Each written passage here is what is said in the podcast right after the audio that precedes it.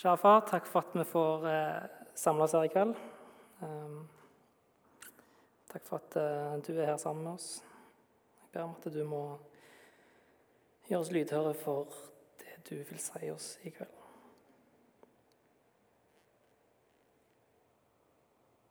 Amen. Mm. Hva leter dere etter? Det var et spørsmål som stakk seg litt ut når jeg forberedte meg. Det er ikke sånn åpentlyst spørsmål som jeg tenkte jeg skulle sette som tema. Men uh,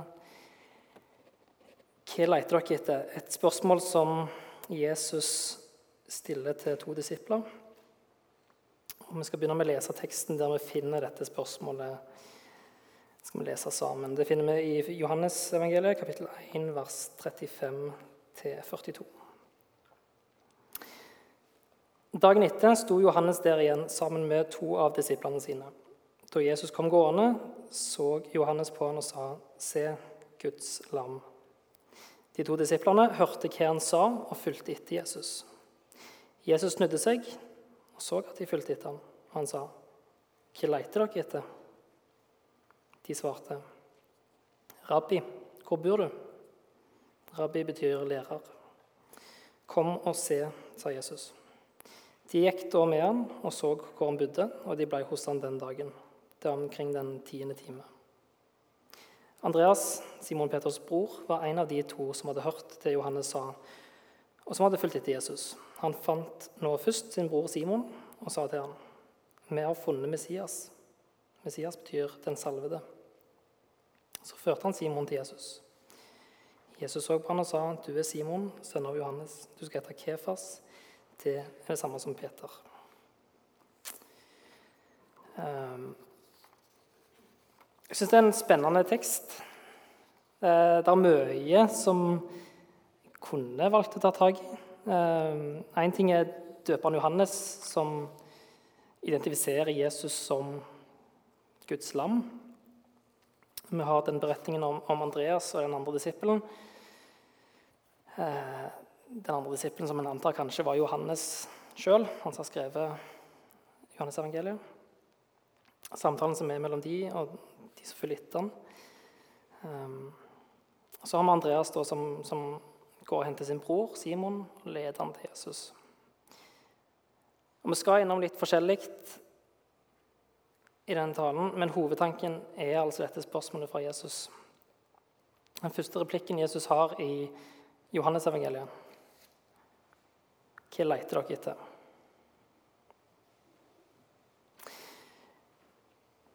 Grunnen til at jeg henger meg opp i dette spørsmålet, er at jeg tror det er aktuelt for oss.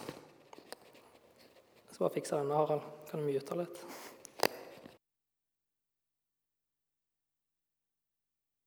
Sånn.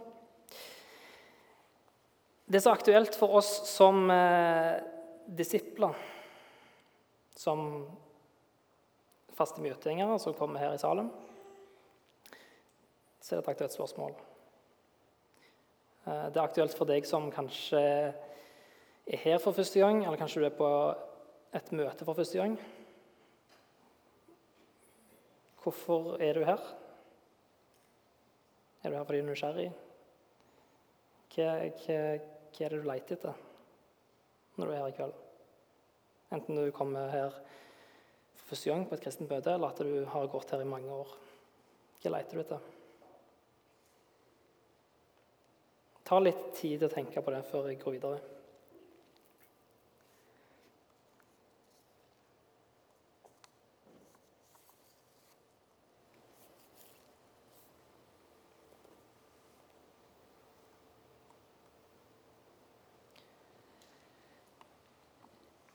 Kanskje er det ikke så lett å svare på.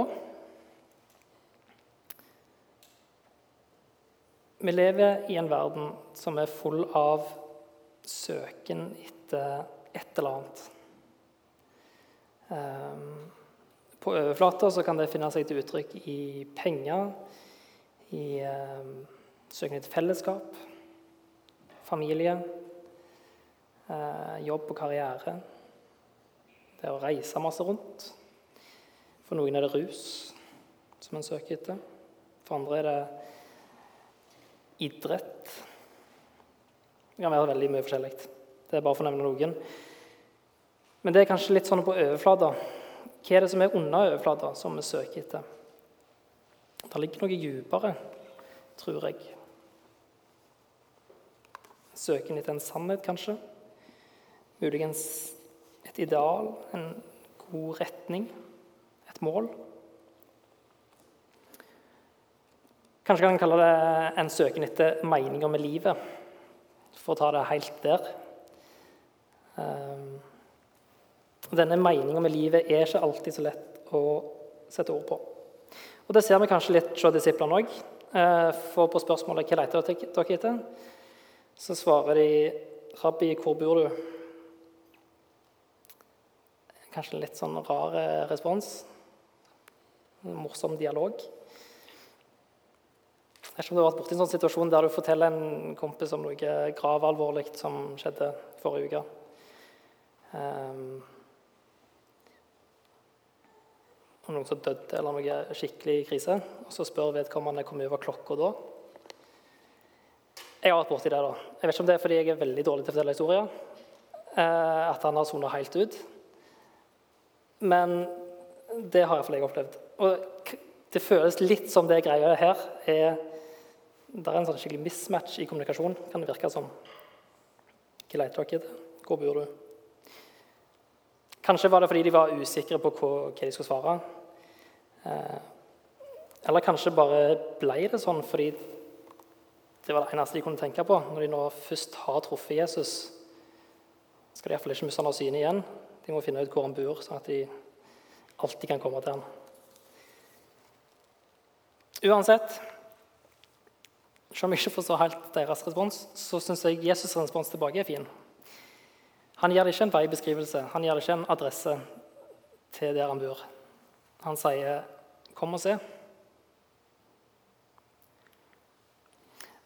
Det er en irsk eh, filosof som heter Iris Murdoch. Hun påpekte ofte at mennesket egentlig syns virkeligheten er ubehagelig.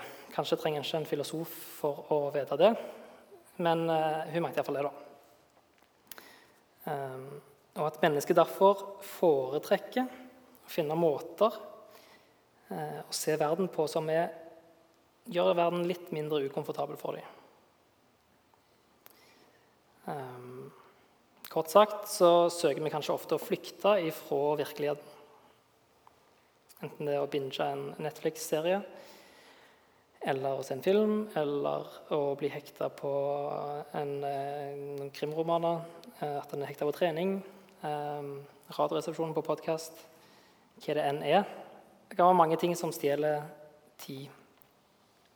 Det er utrolig mye som kan gi oss en distraksjon fra hverdagen. Eh, men når Jesus inviterer oss til å se Når vi ser verden gjennom den kristne linsa, så er ikke det en flukt ifra virkeligheten. Hvis vi ser verden gjennom den kristne linsa, så velger vi å trø inn i det som er litt ukomfortabelt.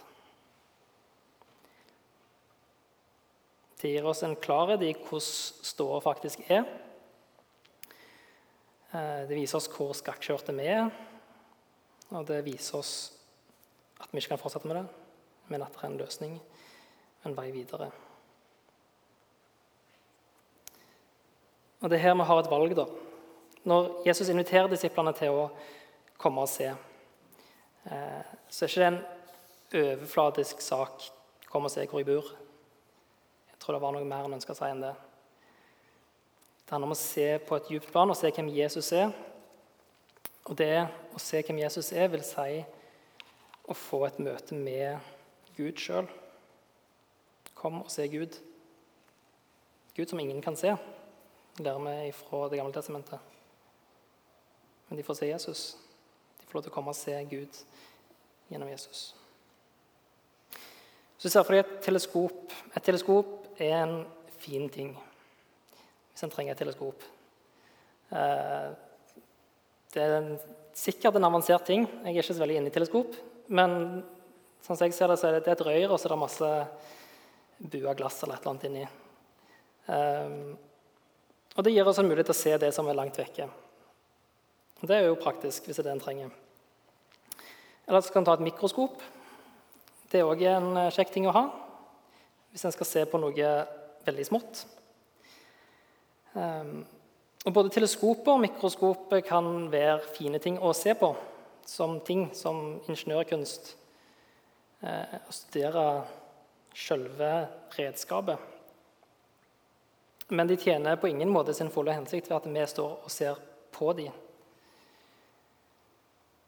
Da er de bare fine ting.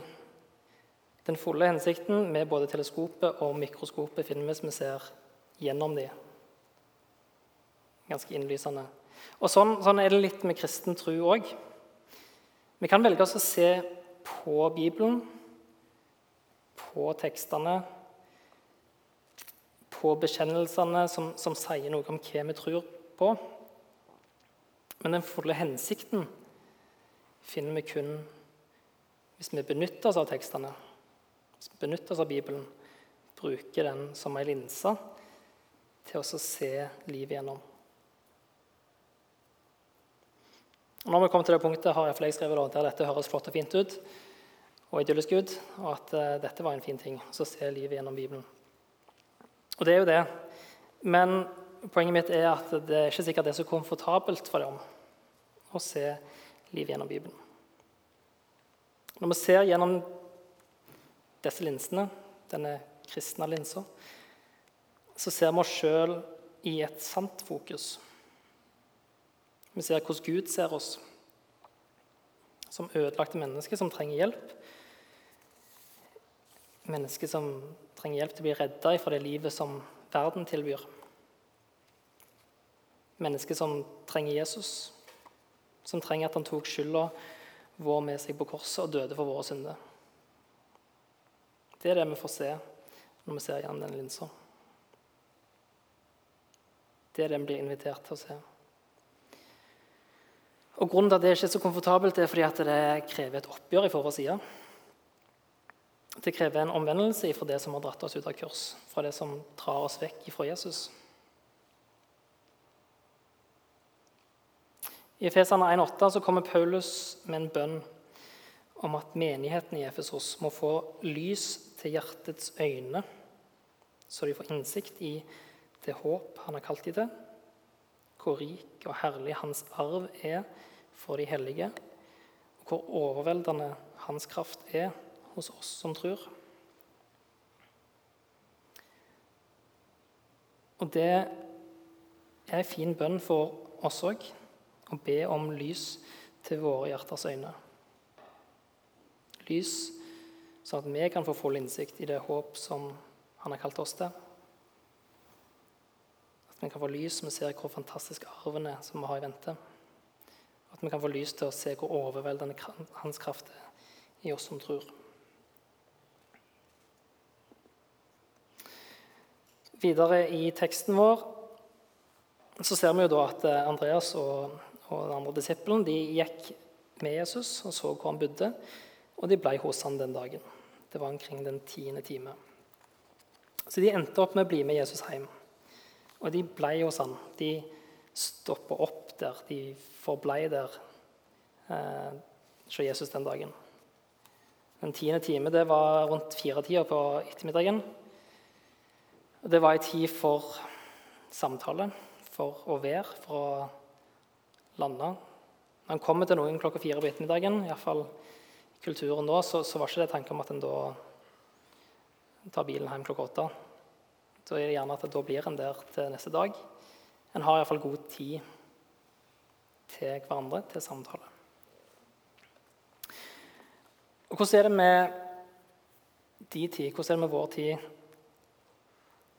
i forhold til det å komme og bli hos ham? Jeg merker at det er mye i livet mitt som gjør krav på min tid. Jeg har ei kone som sitter på bakerste rad, og en unge som sover i et rom her nede, som gjør krav på min tid.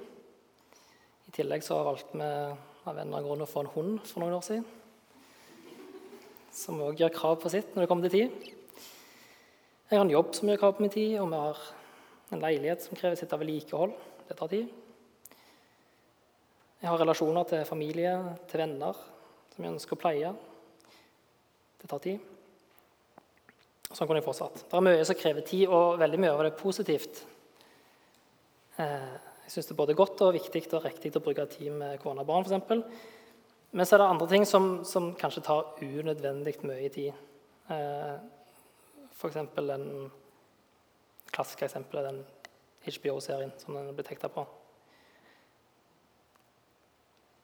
Poenget her er at Gud må få førsteplassen i livene våre. Vi er nødt til å sette av tid til å bli hos Han. Jesus sier det i Johannes 14, 23. Den som elsker meg, vil holde fast på mitt ord, og min far skal elske han.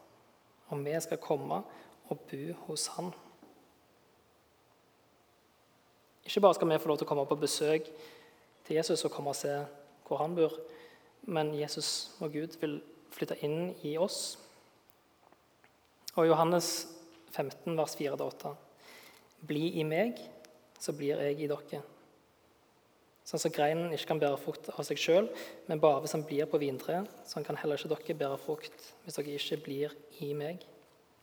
Jeg er vintreet, dere er greinene. Den som blir i meg, og jeg i han, bærer mye frukt.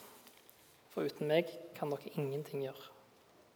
Den som ikke blir i meg, blir kasta utenfor som en grein og visner. Og greinene blir samla sammen og kasta på ilden når de brenner. Hvis dere blir i meg og mine ord blir i dere. Be da om hva dere vil, og dere skal få det. Og ved dette så blir min far æra, at dere bærer mye frukt og blir mine disipler.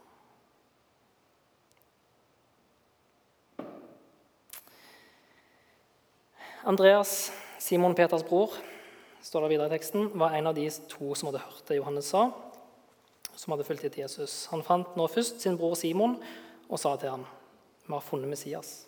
Messias betyr 'den salvede'. Så førte han Simon til Jesus. Jeg syns det er en fantastisk reaksjon da. når han oppdager dette. her. Andreas springer og finner bror sin og forteller at han har funnet Messias. Han forteller om det han har sett. Og han får føre Simon bokstavelig talt til Jesus. Det er misjon. Komme til Jesus, bli der, altså komme og se. Og så gå ut og fortelle om det han har sett hos Jesus. Så fører folk tilbake til Jesus. Paulus sier det sånn i Efesene 3, vers 7-9. Jeg ble en tjener for dette evangeliet når Gud med sin veldige kraft ga meg sin nådegave. Jeg som er den minste av de hellige, har fått den nåde å forkynne det gode budskapet om Kristi ufattelige rikdom for folkeslagene og bringe Guds frelsesplan fram i lyset. Det mysteriet som fra evighet av har vært skjult hos Gud, Han som skapte alt. Det er dette vi òg inviteres inn i. Komme til Jesus og se. Bli der fortelle andre om det vi har sett, føre andre folk til Jesus. Så Hva leter du etter når du kommer her? Hva leter, hva leter du etter i livet, for å ta det store spørsmålet? Jeg tror vi må finne ut det. Finne ut hva vi leter etter, før vi kan finne hva vi leter etter. Jeg har lyst til å lese noe fra en bok av en som heter Magnus Malm, som sier noe om disiplene som kom til Jesus. Til å begynne med kom de, altså disiplene, til Jesus for sin egen skyld. De ante hva han kunne gi dem, og hvilket rikt liv han kunne lede dem inn i. Men et eller annet sted underveis, mens de vandra sammen med Jesus, hadde ei usynlig hånd, først umerkelig, men så stadig tydeligere, lagt roret om i deres indre. Nå fulgte de ikke lenger Jesus fordi de hadde valgt han med tanke på alt han skulle tilføre deres liv, Nå fulgte de han fordi han hadde valgt de, med tanke på at de skulle få mer og mer del i hans liv. Derfor ble de stående når strømmen tok en annen retning. En sånn omvendelse er fortsatt nøkkelen til levende kirke. Så lenge vår tro kretser omkring hva vi kan få ut av Gud, og hva Kirka kan tilby oss, så kommer vårt menighetsliv bare til å avvike helt ubetydelig for resten av forbrukersamfunnet. Det vil bli stadig vanskeligere å overbevise både oss sjøl og andre om at omvendelse er å gå fra død til liv. Først når vi lytter til Mesterens stemme og merker at han kaller oss inn i sitt liv og sitt rike, kan Kirka bli fridd ut av de falske gudenes grep og igjen bli et Guds frihetssted på jorden. En av de utallige som har smakt den omvendelsen i sitt eget liv, er kirkefaderen Kyprian, som var biskop i Kartago til han led martyrdøden år 258. Da han ble omvendt, var han en ledende jurist ved domstolen i byen. Hans personlige vitnesbyrd kunne like gjerne stamme fra en omvendt stoffmisbruker i New York, en børsmegler i Singapore eller en ertebonde i Bjuv. Jeg vet ikke hvor Bjuv er. men Det er sånn Gud til alle tider har bygd sin kirke. Og han her, kyprianeren, skriver Jeg var sjøl så vikla inn i og trengt opp i et hjørne av de mange feiltrinnene i mitt forrige liv at jeg ikke var i stand til å tro det var mulig for meg å komme løs fra dem. Så nedtynga var jeg av de feilene som hang ved meg. Og fordi jeg hadde mista håpet om forbedring, stelte jeg med syndene mine som om de hadde vært mine kjæreste eiendeler. Men når stanken av mitt tidligere liv var blitt vaska vekk ved hjelp av fødselens vann, og lys fra det høye hadde strømma ned over mitt hjerte, som nå var rensa og rent, da jeg hadde drukket ånden fra himmelen, og den andre fødselen hadde oppreist meg og gjort meg til et nytt menneske, da begynte på en vidunderlig måte tvilen straks å løse seg opp. Stengte dører og bli åpna, mørke steder og lystne. Det som tidligere hadde virka vanskelig, var nå lett. Det jeg før hadde trodd var umulig, viser seg nå å være fullt mulig å gjennomføre. Hvor er i forhold til dette? Følger vi Jesus med fokus på hva han kan tilføre av våre liv? Er det det vi leter etter? Noe som kan tilføre våre liv noe, en X-faktor? Eller følger vi Jesus fordi vi er åpne for å lytte til Mesteren? Lytte til hva han har å si oss, og hva han har lyst til å gi oss del i.